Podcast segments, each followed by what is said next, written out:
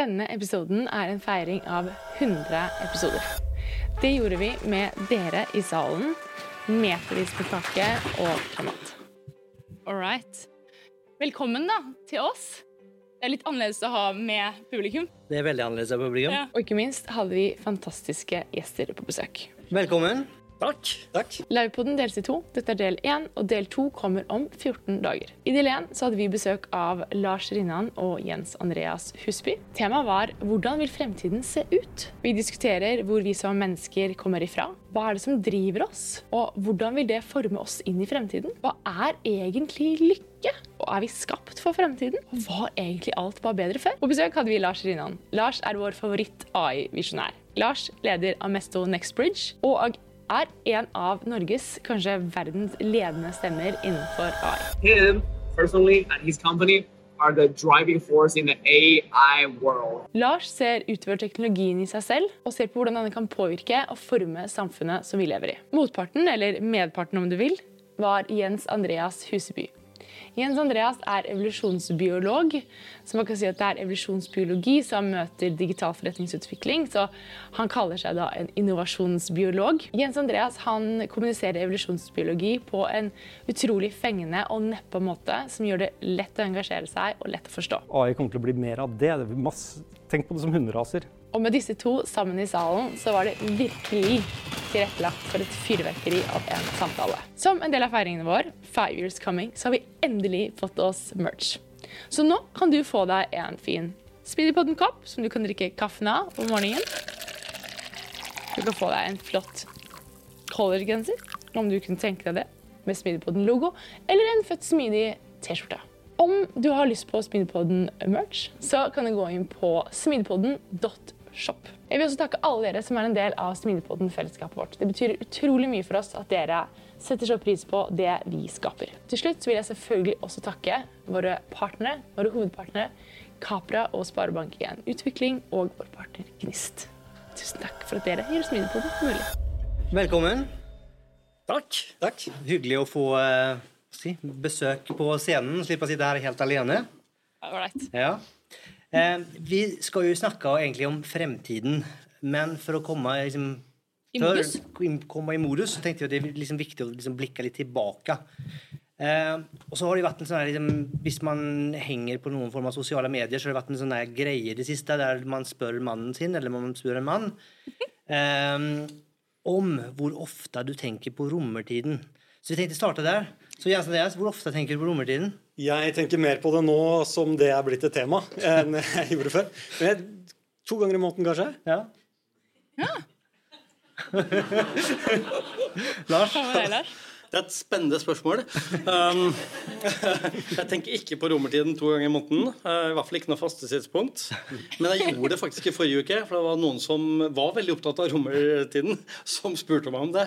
Og da sa jeg ja, det er kjempespennende. Jeg har ikke tenkt på det siden barneskolen, men, uh, men ellers uh, veldig spennende. Hvor ofte tenker du på romertiden, Tobias? Nei, jeg, når jeg først jeg hørte det, så skjønte jeg ingenting. Jeg tenkte det gjør jeg jo ikke. Men så viser det seg at det, det skjer faktisk da. For jeg, da hadde noen sånne, um, Plutselig hadde jeg en assosiasjon til gladiatorfilmen. Uh, så det var liksom ikke kanskje romertiden spesifikt, men liksom en assosiasjon var liksom inne i liksom gladiatortanken der. Liksom. Så tydeligvis så er det noe som skjer, da. Ja. Yes. Og du, Frida? Altså Jeg er jo en skikkelig historienerd. Og romertiden er en av mine favorittepoker. Så jeg tenker på romertiden veldig ofte.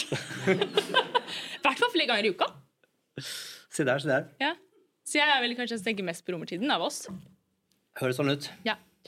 All right. Uh, Lars, du er en veldig sterk stemme innen AI og fremtidens arbeidsliv. Uh, men det er kanskje ikke alle lytterne her som kjenner så godt til deg. Så hva er det lytterne trenger å vite om deg? Uh, de trenger vel egentlig ikke å vite noen ting, tenker jeg. Uh, sånn strengt tatt. De klarer seg nok godt uten det. Kan kose seg med Romerriket. Uh, eller romertiden. Men var det, et kort intro? Var det sånn det var? Kort intro. Ja, kort intro. Ja, sånn på, på dagtid så, så leder jeg Amesto Nextbridge, som er et selskap som jobber med å skape innsikt ut fra data. Det har vi gjort de siste 13 årene. De siste syv årene så har vi også jobba med AI. Uh, så liksom, vi begynte ikke det med når noen lanserte ChatGPT i november i fjor. eh, som så mange andre. Så vi har holdt på i sju år. eh, gjort alt mulig rart der. Eh, Vi har dekoda hvordan bier eh, kommuniserer inn i bikuben. Vi har Og det kan jeg snakke mye om, forresten. Nettopp. Ja, ja. Mye mer spennende enn romertiden. Eh, vi har predikert hvor du finner krill i Antarktis til enhver tid. Vi har skapt syntetiske kreftdata. Vi hjalp Røde Kors under pandemien å tolke fritekstrapporter fra 165 000 lokalkontorer i hele verden. Så masse sånne spennende greier. Og For å fylle tida mi, da, så det ikke blir noen døde punkter, eh, så eh, sitter jeg i en haug med styrer, stort sett i AI-startups. Så investerer jeg litt i noen AI-startups, og så er jeg noen rådgiver for noen WC-er som investerer i AI-startups og lurer på hvordan de skal gjøre det, og hvem de skal gjøre det med. og, og litt sånn. Og, og når jeg ikke gjør det, så sykler jeg. Sykler sti. eh, Og når det er vinter, eh, så er det ski. Så jeg har jo hatt turer med Tobias på både sykkel og ski. Eh, Og det er morsomt. Det er morsomt. Det er Da snakker vi ikke om romertiden i det hele tatt. tror jeg på. Snakker om mye annet rart, da. Det er riktig. Uh, Jens Andreas, da. Du er evolusjonsbiolog, men du kaller deg selv for innovasjonsbiolog. Ja. Jeg er fra vår siste prat. Kan du si noe mer om det? Ja, hva skal jeg si? Jeg er utdanna evolusjonsbiolog og atferdsbiolog. Det er samme sak, egentlig. Eh, og jobber i Beck eh, med produktutvikling, digital produktutvikling. Og så har jeg jobbet mye med innovasjon. Eh, både startups jeg har starta selv, eller startups jeg har hjulpet. da. Satt på Forskningsparken annet, da de dro i gang den Startup Lab, og var i tettprat med dem da. Da hjalp jeg gründere gjennom et veldig kult nettverk. Masse bedrifter som nå finnes pga. det. da. Så det Ja, hva skal jeg si? Hvor dypt skal jeg gå? Eh, jeg var på en konferanse i 1994 i Santa Barbara.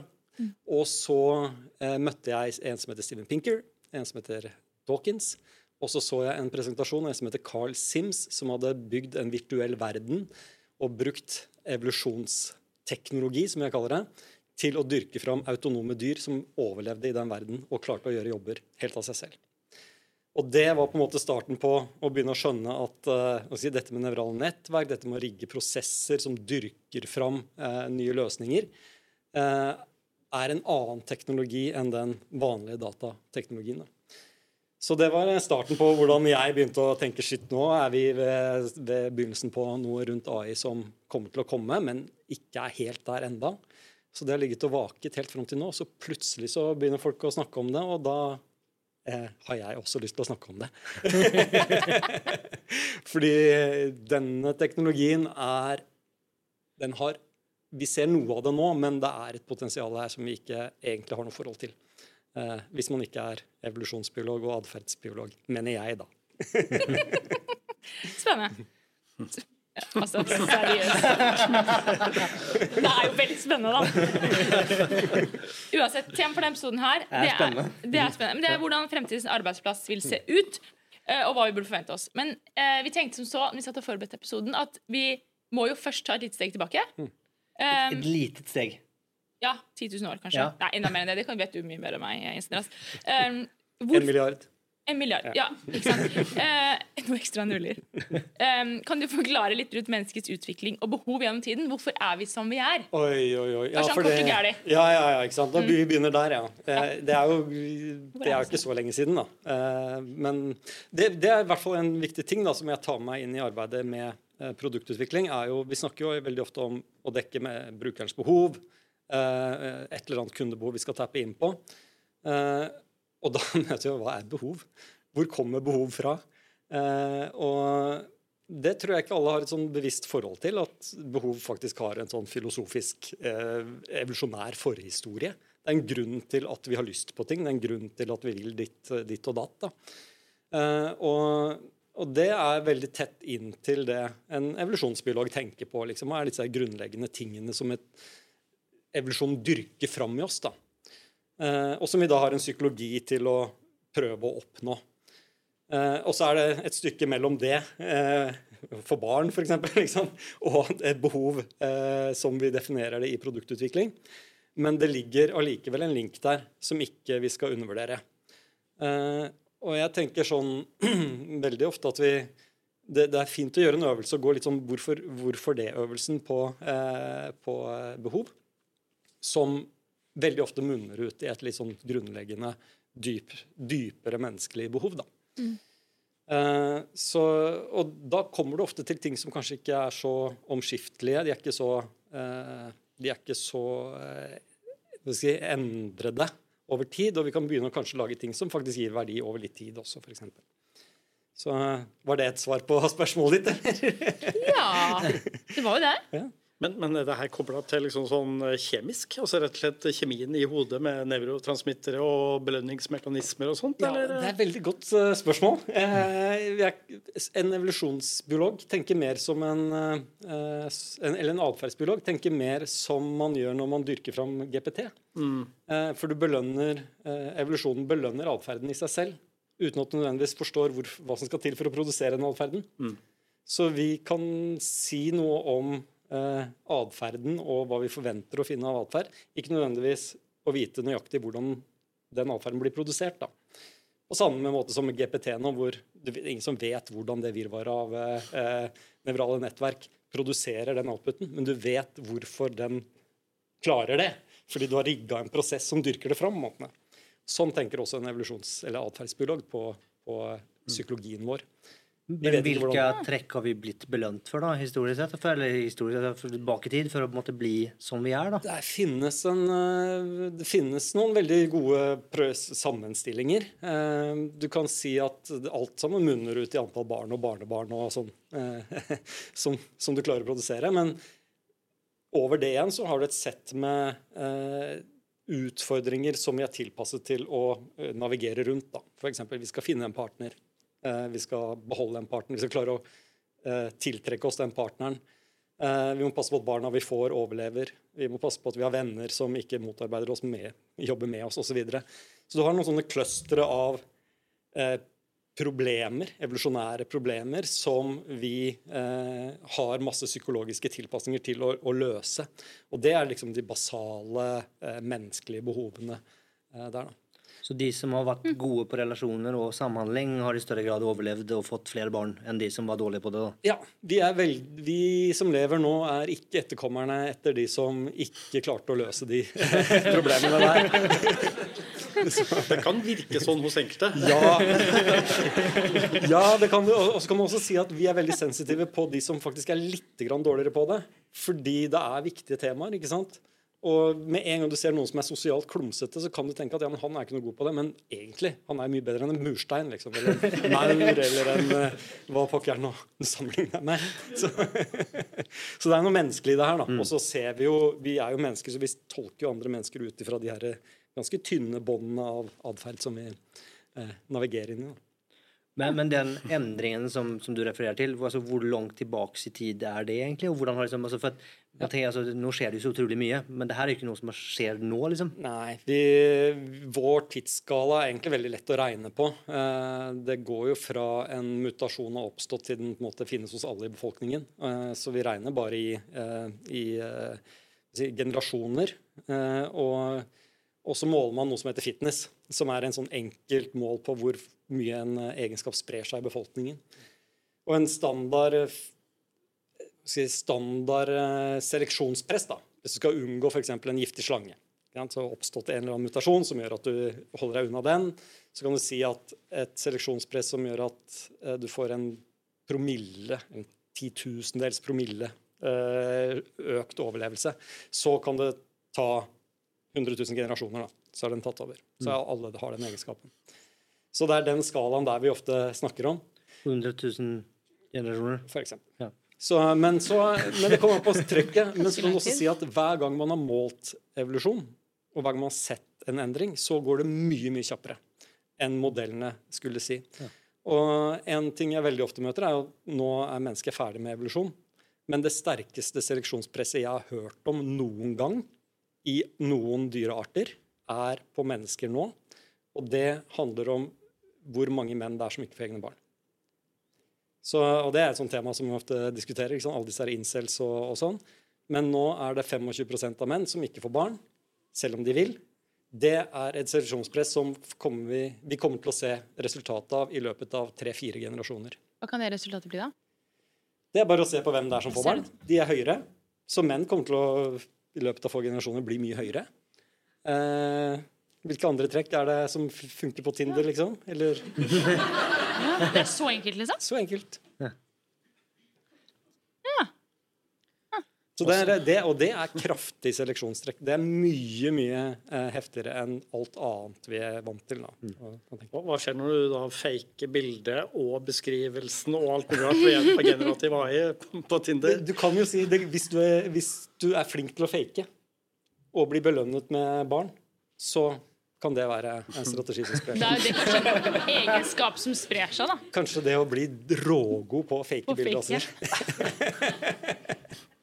Var det framtid nok, eller var det kan jo bare Jeg vil tenke liksom, det litt for å bare, Kanskje et litt ledende spørsmål, men jeg tenker liksom når det kommer til bevegelse, aktivitet, den type på en måte basale behov, og hvordan vi lever i dag, hvordan henger det liksom sammen? For liksom at vi løp på savannen i, i, i eh, mange mange år, og så plutselig så har vi For den på en måte livsstilen og den verden vi lever i i dag, er jo, har jo eksistert veldig kort tid, og sammenlignet med hvor lenge menneskene har funnes. Ja, ja, det er en kjempe det er, Vi kaller det mismatch. da, og alle er, jo klar over det. Moderne verden er jo ikke noe vi er tilpassa å leve i.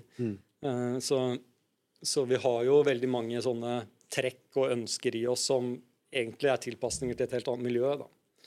Eh, og det, det, Evolusjonen er- ser jo ikke forover, den, ser, den selekterer på hva som funker nå.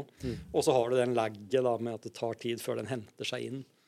Så, så vi må ha hvis, hvis, hvis du hadde sagt at den moderne verden og sånn som vi har det nå uh, Hvis vi skal bli tilpassa den, så må den være sånn i 10 000, 100 000 år da, før vi blir tilpassa dette, dette miljøet. Da. Og det er vel kanskje enige om at den ikke er, da. Den er ikke, står ikke akkurat stille. Nei. Så det er, eh, jeg tror ikke noe på at det kommer til å skje. Men du kan si ja, Dette har vi spekulert i. i, i ma- det, er mange, det er gøy å spekulere i det her, men eh, en ting som også jeg syns er interessant, sånn hvis vi ser litt framover, det er eh, hvis vi frakobler eh, det å produsere barn. For det er veldig basic. ikke sant? Det er det, det, er det evolusjonen favoriserer. Barneproduksjon. Eh, I den grad vi frakobler det eh, fra å eh, date, møte noen, det, det vanlige sp ikke spill og spillet, men, men, men det å bli kjærester og, og sånn, og gjør det mer til teknologi, så er i hvert fall én hypotese at vi får en dreining vekk fra å bli tiltrukket av det andre kjønnet til å ha lyst på barn. Uansett hvordan vi får det, om det er å dra til Danmark og få, eh, få det gjort av noen andre. Men at det, at det er liksom ønsket om barn som blir løsrevet fra måten, måten vi i dag tiltrekkes av å produsere barn. Da. Så, på den måten som vi tradisjonelt har gjort det. OK. Var det det vi skulle snakke om, eller? Det var jo et lite sidespor, da. Ja, ja. Det må man kunne si. Eh, Men, men det er kanskje, kanskje leder oss til et, et, et, et, et annet spørsmål, som, som lykke, da, som mennesker. Ja. Hvordan klarer vi å liksom, si noe om det? Klarer vi å måle det? Liksom? Hva er det vi liksom, og har det måtte endre seg over tid? da? Det er eh, veldig, også et veldig godt spørsmål. Eh, jeg tror vi lykkes det er ikke noe, vi, har ikke en, vi, vi strever mot noe hele tiden. Misnøye med en situasjon er å motivere oss. Vi vil gjøre noe bedre. Det er å få seg en kjæreste, eller om det er å få bedre venner, eller hva det nå er. Så vi har, denne motivasjon, indre motivasjonen av å streve mot noe annet enn det vi er, eller det vi har, den vil alltid være der. Og den er koblet til disse her primitive, eh, eller primitive, de her basic behovene. Så veldig mye av problemet med manglende lykke i dag er nok koblet til at vi ikke har det miljøet vi er tilpassa å leve i. Men det er heller ikke sånn at man var lykkelig eh, før i tida. Så det er veldig mange ting vi har fjernet fra eh, verden som vi skal være veldig glad for at vi ikke eh, har lenger. Eh, kanskje verste eksempelet jeg kjenner til, er at barnedødeligheten i førmoderne samfunn er 50 mm. Så uten all den teknologien og alt det vi har, er, kan du regne med å overleve Du kan regne med at 50% av barna dine dør før de blir 16 år hvis vi ikke hadde hatt den moderne verden. Og det er ikke noe lykkelig tilstand. Eh, det. Og så kan du si at vi har masse problemer i dag også, men, men det er ikke sånn at vi kan frigjøre oss fra eh, ulykke og misnøye og, og komme til en sånn endelig lykketilstand. Men hvor lenge har vi målt lykke? Det kan ikke være så langt tilbake i tid, eh, tenker jeg. Fordi hvis du går litt tilbake i tid, og så bare 50 år, 100 år, så hadde folk så, hadde det så travelt med å overleve at de hadde ikke tid til å tenke på om de var så veldig lykkelige eller ikke. Ja. Men, men, dette med motivasjon og belønningssenter, som du var innom, osv., det, det tror jeg vi kan anta har vært motivasjonsfaktor eh, hele tiden. Og vi har jo, dette er jo senteret i hjernen som belønner eh, belønner en atferd, eh, og, og som vi er født med. Eh, og de har, det har jo vært der fordi det produserer denne atferden som evolusjonen belønner, da, i form av flere barn. Så Belønningssenteret er veldig interessant. Det er jo liksom en intern trenings... Eh, hvis man ser i AI-sammenheng, en intern, internalisert belønningsmekanisme eh, som si, belønner den atferden eh, som er riktig, på en måte. Ja. Men man kan jo tenke seg at i dag så er man kanskje man er så opptatt av måte, mm, høyere ting i på en måte, behovspyramiden at man liksom egentlig liksom glemmer eller liksom gir F egentlig liksom det mest basale tingen, som, som egentlig helse og søvn og kanskje mat og sånne ting. At det blir liksom, Even om det skulle på en måte, hierarkisk være på en måte viktigere, så er det liksom ikke plutselig viktig, da. For man er så jakten på på en måte selvrealisering på noe vis, da, som på en måte Ja. Jeg, vil, jeg har lyst til å utfordre behovspyramiden. Jeg har gjort det ganske mye. Vi har til og med fått produsert en bloggpost om det. eh, At Maslow er død. Eh, Leve, leve de her basic behovene, liksom. Ja, ja. Eh, fordi det er Vi er Sånn som jeg tenker på det, så har vi mange motstridende behov. De står i konflikt med hverandre. Det kan være få barn, finne partner, eh, beholde venner. Alle de tingene her. Det er basic behov som vi prøver å navigere eh, hele tiden. Eh, og det vi får muligheten til i moderne samfunn, er å fokusere på noen av de mer enn andre. Og du, som sier, det, kan være lurt å tenke på at det er noen basic ting her som vi kanskje ikke tenker på at det er viktige. Løping er et kjempeeksempel. Eh, vi er nok tilpasset til å løpe veldig mye mer enn det vi gjør. Det er veldig mye, veldig mye som tyder på. Eh, og at vi legger jo ikke akkurat opp i hverdagen til at alle skal løpe hele tida. Vi, har- vi har ikke skoleverk hvor liksom alle i dag skal løpe 50 km. Liksom. Men det hadde vi nok klart. Eh, og det hadde nok produsert mer si, en hverdag som var nærmere det vi egentlig er tilpassa til. Eh, og så kan vi ikke nødvendigvis si at vi dermed hadde blitt mer lykkelige, men vi hadde i hvert fall kanskje sluppet en del slitasjeskader og en del sånne andre ting, fordi vi hadde gjort ting som kroppene egentlig er mer lagd for. da. Samtidig hadde vi løpt på asfalt. Så hadde vi løpt på for. nemlig. Det vil vi helst ikke. ikke uten gode sko. Ja. Men um, hvis man sitter der og så tenker man ok, vi skulle ha kanskje løpt mer og liksom veldig mye sånn grunnleggende ting, og så har du liksom den, all den ekstreme endringen som skjer. Hvordan tenker liksom, altså, liksom, hva, hva gjør man med det? da? Hvordan skal vi liksom klare å liksom, balansere det liksom, i det tenker ikke liksom, langt frem i tid, men liksom, nesten her og nå i dag. da. At vi har jo ting som på en måte liksom, Kanskje en evolusjon som på en vis holder oss tilbake, hvis man kan kalle det det. Og så har du en måte en mm, verd som løper av gårde kanskje fortere enn noensinne. da. Ja, Det ligger jo kanskje noe her i, i teknologien. Eh, mange sier at de har ikke, de har ikke tid til å trene.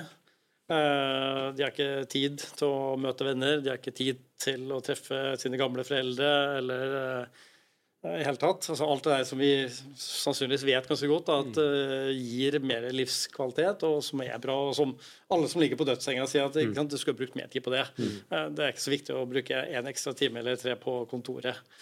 Uh, sant, vi sier jo at vi ikke har tid til det. Sannsynligvis så er det mm, ikke 100% riktig, i hvert fall.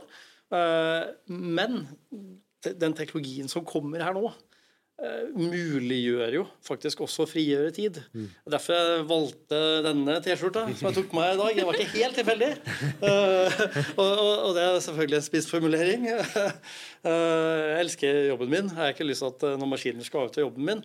Men jeg kan godt få hjelp til noen deler av jobben min som er veldig repetitivt, kanskje litt kjedelig. Kanskje ikke det jeg liksom får føle at jeg er best til, eller får realisert meg til. Eh, altså, Hvis jeg kunne fått effektivisert eh, 30-40 av jobben min, da, det hadde vært helt supert. det. Så kunne jeg løpt eh, 50 km. Ikke sant? Altså, kunne jeg løpt innom besteforeldre Ja, de er kanskje døde, da, men altså La oss si noen venner, da. Et eller annet. Gjort et eller annet så eh, bra. Løpt opp på et fjell, kanskje? Løpt på et fjell, for Ja, eksempel. ja, Kunne gjort det sammen med noen venner. Ja. Ikke sant? Jeg slår to fluer i ett smekk. Så, så det ligger jo noe i denne teknologien. Mm, Selv om historien kanskje har vist oss at all, all effektivisering har vi liksom brukt opp på noe annet. da. Som heller ikke, altså, Så vi har ikke, vi har ikke jobba noe mindre, egentlig. Eh, men, men potensialet er der. det er viktig. Ehm, fordi jeg sitter og tenker um, Når vi gjorde preppen til episoden her, så var det en ting som liksom kom opp. Vi begynte å tenke på Til nå vi har mye teknologi som er kommet inn i livene våre. Uh, vi snakker nå om potensialet. Det er spørsmålet har egentlig teknologi og IT gjort livene våre bedre. Spørs på definisjonen på bedre da, ikke sant? Da, da er vi jo der. Ja. Eh, altså, hva er definisjonen på lykke? Hva er definisjonen på, på bedre liv? Eh, det har, det har forandra det. Gjort det annerledes, i hvert fall. Uh, og det er klart, uh, hvis, hvis du går uh, 100 år tilbake i tid, så, så jobba de jo hardt. eh, primært med kroppen. Ikke sant? Og så kom det eh, hest og kjerre, skulle jeg si, og, og hjalp det litt. Og det kom damp og ikke sant, hjalp det enda litt mer. Og så kom det mer og mer eh, maskiner som gjorde at vi slapp å jobbe så hardt, løfte så hardt, eh, slite oss ut. Eh, og klart, det er jo kanskje en objektiv forbedring. Eh, og, og det kan jo dra helt fram til nå, og kanskje framover mot framtida. Altså at teknologien har potensial til å til å frigjøre tid. At vi slipper å gjøre ting som vi Tidligere var det ting som var tungt og slitsomt og kanskje farlig. ikke sant? Nå er det kanskje ting som vi syns er kjedelig. Fordi at vi har lyst til å gjøre bare spennende ting hele tida. Og det har teknologien et potensial til. Sparebank1 Utvikling, vår partner, er på utkikk etter gode folk. Er du fullstack, backend eller frontend-utvikler? Eller kanskje data engineer, arkitekt, teamlead eller designer? Eller kanskje du er noe helt annet? Uansett, kanskje Sparebank1 Utvikling er din neste stopp. Sparebank1 Utvikling er et av Norges største inhouse utviklingsmiljøer med over 30 team og ca. 400 utviklere. Sammen lager de Norges beste digitale løsninger for 1,2 millioner kunder. Og de har kontorer både i Trondheim og i Oslo. Målet deres er fantastisk. Det er å være en meningsfull arbeidsplass for folkene sine. Hvor det er stor grad av eierskap, autonomi og faglig utvikling. Blir du nysgjerrig? Vil du vite mer? Så gå inn på sparebank1.dev, eller du kan sjekke ut podkasten Åpen kilde. Der snakker Lars, Kristoffer og Helene om hvordan det er å jobbe i Sparebank1 Utvikling. Da har jeg en tanke, da. Når um, Tobias og jeg var um, i Italia nå, vi har hus i Italia, vi var der nå for noen uker siden. Uh, og så um, har vi sånn latterlig mye skog der nede. Og den skogen må jo liksom vedlikeholdes, da. Dere har skog. Ja, vi har faktisk skog. ja. har eh, italiensk skog. skog. Og der må vedlikeholdes, den skogen. Det tok ikke vi høyde for.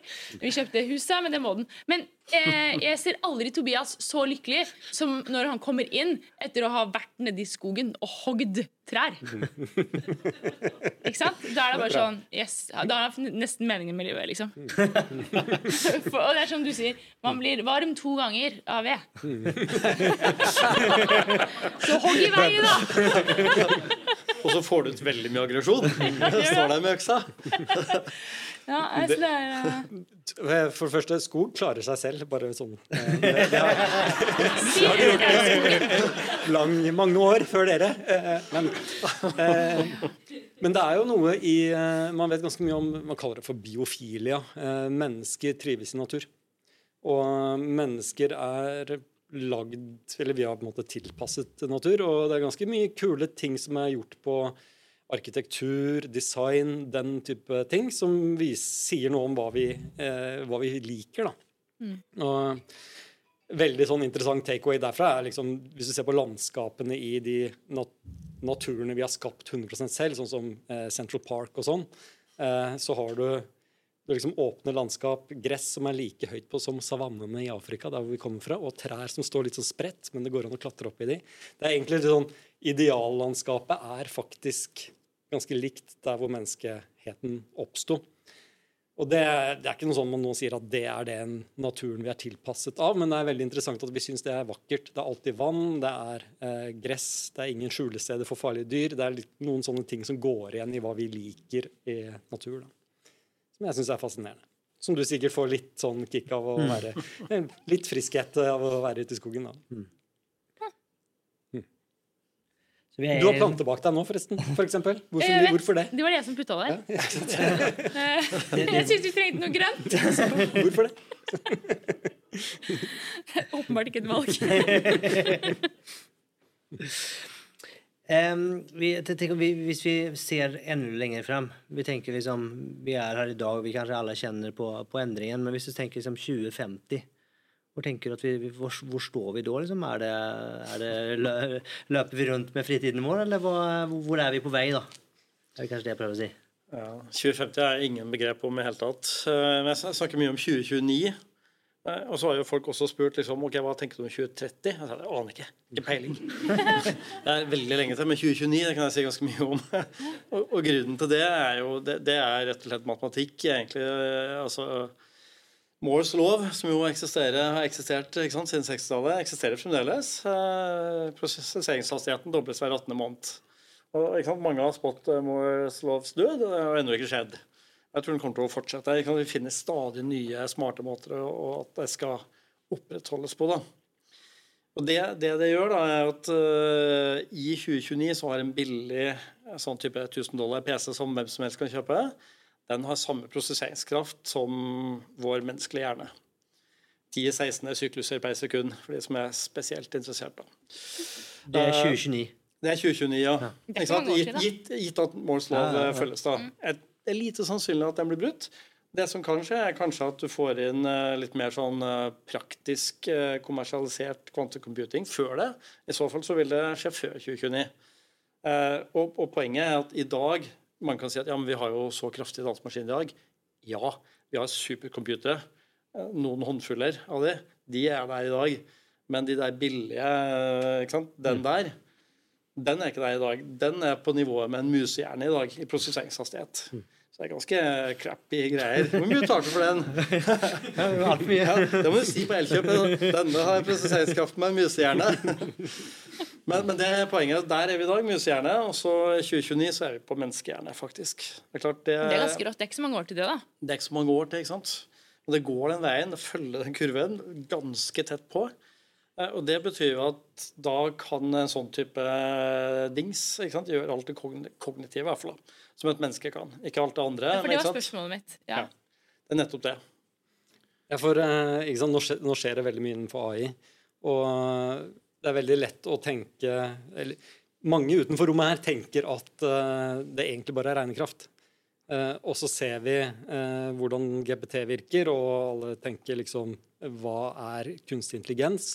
Og så modellerer man en idé om hva kunstig intelligens er, ut ifra hvordan man oppfatter at vi selv funker. Vi sammenligner kunstig intelligens med hva vi tror om menneskehjernen. men det er flere fagfelt enn en computer science og data science som jobber med disse spørsmålene. Eh, det er et nytt fagområde som heter cognitive science, eh, som blander teknologi og eh, psykologi og evolusjonstenkning og matematikk og filosofi og språkteknologi inn i en pakke. Og når vi snakker i bransjen vår, så snakker vi veldig ofte ut ifra teknologien, og vi ser ikke hva som skjer på nevrovitenskap og de andre sakene. Jeg tror vi kommer til å få noen overraskelser fra sidelinja som ikke kommer fra tekstselskapene, kanskje kommer fra mer de andre fagene som jobber med, også jobber med nevrale nettverk. Og som handler om kognisjon og hvordan vi prosesserer informasjon.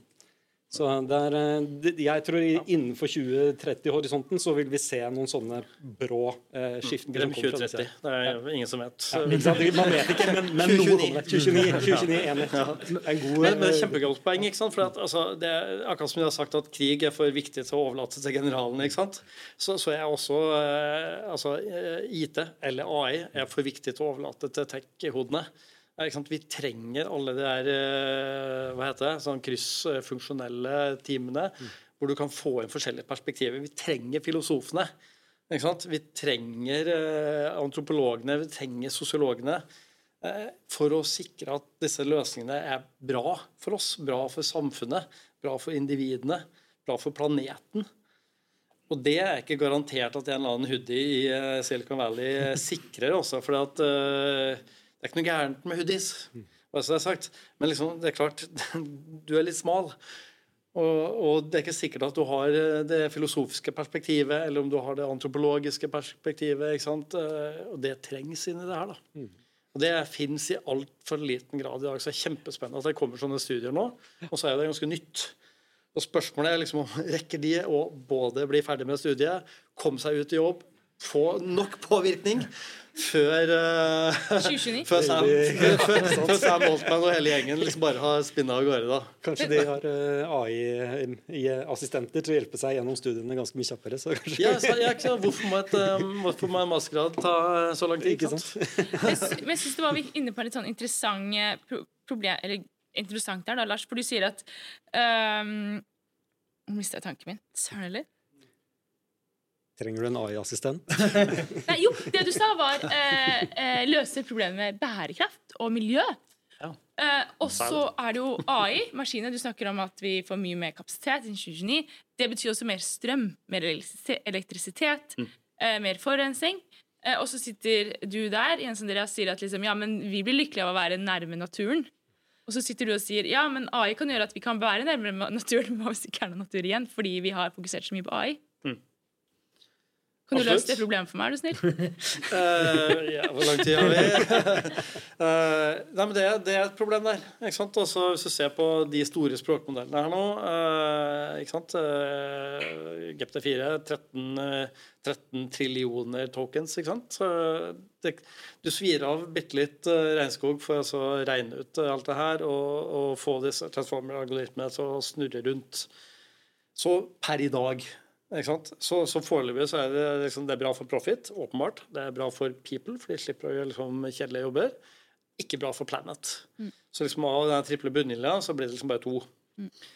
Men her forskes det også mye. Og sånn er det jo alltid med ting. Akkurat nå så bruker de for mye strøm. Utvilsomt. Det er faktisk veldig bekymringsfullt. Her forskes det mye. Den strømbruken er i ferd med å gå ned. Det forskes på mindre modeller, forskes på mer effektive modeller. Og, og kanskje det aller mest lovende er faktisk å bruke kvantecomputing kombinert med tradisjonell computing da, for å trene opp disse modellene. Det er det som faktisk har vist seg å være det mest effektive, også på strømforbruk. Da snakker vi ganske dramatisk mindre strømforbruk. Så tingene, tingenes tilstand er liksom ikke eh, statisk, det utvikles hele veien. da.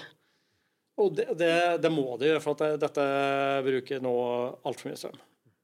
Tenker, tenker jeg akkurat det samme. Det, og det er jo et trekk vi også kjenner igjen fra evolusjonen. Eh, bare tenk på hvor mye energi hjernen vår bruker. Det er en ganske stor andel av kroppens, eh, kroppens eh, eh, kaloribruk går til hjernen vår. Så det å prosessere, det er eh, kognisjon, koster energi. Og så er det overkill med veldig mange av disse eh, modellene i dag. Og det ser du også i naturen, at du, du fjerner kognisjonsevner hvis du ikke trenger det. Eh, Et eksempel jeg bruker er sånne hulefisk som eh, lever i stummende mørke, og det går bare et par generasjoner, så har de mista øynene, men de har også mista den delen av hjernen som prosesserer eh, bilder og lys. Så dette her kommer til å slipes vekk. Du kommer ikke til å trenge en bruke GPT til helt basic ting. liksom. Du, du kan, kan, kan starte med det, og så kan du slippe det vekk. Og så sitter du igjen med noe som er mye mye smidigere og enklere. Da har jeg et spørsmål til deg. For I stad snakket du om at vi kan skille på eh, det at vi får barn, og det å lage barn. Kanskje vi glemmer hvordan vi lager barn? Det håper jeg, da. Ja, digresjon, sorry, ass, men eh, jeg kan ikke styre hjernen. Men, men det er jo, ikke sant, altså, dette er jo the stuff of science fiction, selvfølgelig. Og, og, og litteratur, selvfølgelig. Hvis du, hvis du leser Aldous Huxley, Brave New World, som jo fryktelig mange hevder at de har gjort, men veldig få har gjort. Så jeg har nesten. Eh, der lager de jo selvfølgelig barn, og det er frikobla fra all moroa med det. eh, ikke sant? Så det, der er det liksom i, eh, i hva kaller de det? Jeg husker ikke hva de kaller det engang. Men det, det er sånn, I pods der lages det da barn på samlebånd. Ser du. Så det er liksom ja, eh, For de som ikke har lest den boka, anbefales veldig veldig å lese den. Eh, Veldig mange har lest 1984, men eh, så Brain New World det er minst like spennende og kanskje mer filosofisk eh, Mange bra av, å ta med de, seg. mange av de gamle klassikerne i science fiction så begynner det å bli interessante igjen Ja. å, å lese. Ja, for Det interessante her nå spør vi helt av, selvfølgelig. Det det interessante her er jo at 1984 ikke sant, det spiller på at uh, framtida har blitt så forferdelig. Ikke sant? Det er dystopi. Mens, mens Brain Newell eh, spiller på at det har blitt en fantastisk verden. Hvor vi ikke trenger å bekymre oss for noen ting. Vi bare skal underholdes hele tida. Og det er et helvete. Men det har vi ikke tenkt på, ikke sant? Nei. Og det, den, er- det er mye, mye mer interessant advarsel i den boka enn i 1984. Men jeg syns det er et interessant poeng, og det, og det spiller også litt tilbake på denne lykke- og, og er vi fornøyd-biten. Fordi eh, hvis du ser på eh, Matrix og, og de andre ideene om at nå har du fått tilfredsstilt, alle behovene, dermed så trenger du ikke eh, trenger ikke gjøre noe mer. Det, vi, det jeg tror vi vil se, er at man alltid vil jakte på noe nytt og noe bedre. I Matrix så er det ideen at vi lagde den perfekte Matrix. Dermed, det var det ingen som ville leve i, det var ingen som trodde på det. Men det er noe i det, fordi vi ligger i oss og ville strebe, ville gjøre noe mer, ville gjøre noe på en annen måte, ville stikke oss ut. Og helt basic så jo det, kan jo handle om liksom, stikke seg ut fra flokken, bli lagt merke til som par, potensiell partner, få venner, vise seg fram. Sånne grunnleggende behov som ikke blir borte selv om, selv om GPT kommer og tar jobbene våre. Da er det fortsatt noe å klatre eh, på for å vise seg fram. Så jeg synes det er en sånn, vi, vi mister ikke menneskenaturen da, av, eh, av eh, at eh, GPT kan hjelpe oss å gjøre jobbene våre. Og, og jeg tror ikke at GPT tar jobbene våre heller, for å si det sånn. Altså, det er mye snakk om det her, og det er ofte veldig sånn unyansert dialog på liksom Vil AI ta jobber eller bringe jobber? Bare sånn, Altså, det er et litt komplisert uh, spørsmål. La oss bryte ned til litt mer sånn fornuftige deler. Men, men altså, og GPT, da, som bare er en bitte, bitte liten bit av AI, ikke sant? Uh, markedsmessig 1 uh, eller par prosent av uh, verdensmarkedet i dag kommer til å øke, selvfølgelig, åpenbart, men i dag bitte lite. Men det er jo den type teknologi som mer eh, styrker mennesker. ikke sant? Eh, hjelper deg til å jobbe raskere, får hjelp til å jobbe til å ikke ta liksom alle uh, uh, rutinearbeidet, ikke sant, alt det biten der. Men det fjerner jo ikke så veldig mange jobber. og så jeg tror ingen av de som sitter i salen her nå, kommer til å bli erstatta av en språkmodell. Mens derimot andre typer roller og andre typer AI, der vil det skje liksom fullstendig at de forsvinner helt ut. Men GPT tror jeg ikke er den type teknologi i det hele tatt. Men kanskje du, får, eller kanskje du kan jobbe mindre, da. Det hadde jo ikke vært så dumt, egentlig. Nei. Men hvis man sitter her og tenker 2029, shit, det kommer fort. Um, hva, hva, hva tenker dere at man altså, Hvordan kan man som organisasjon rigge seg best mulig? da? Hvordan kan man liksom ta det her teknologien som kommer, på en måte akselererende, da? Og hva for å gjøre seg best mulig klar for kanskje det ukjente? da?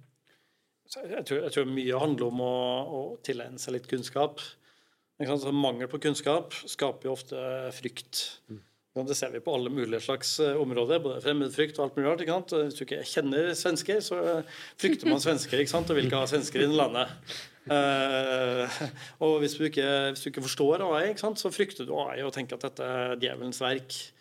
Men hvis du tilegner deg litt kunnskap, da, og det er jo, bør jo være mulig i disse dager, mm. så får man mer eh, kompetanse og skjønner mer hva, hva det egentlig er, og sant, hva som er bekymringsfullt, for det er jo noe der, og hva som kan være nyttig. Og så kan du prøve liksom å gjøre mer av det som kan være nyttig, og mindre av det som kan være bekymringsfullt.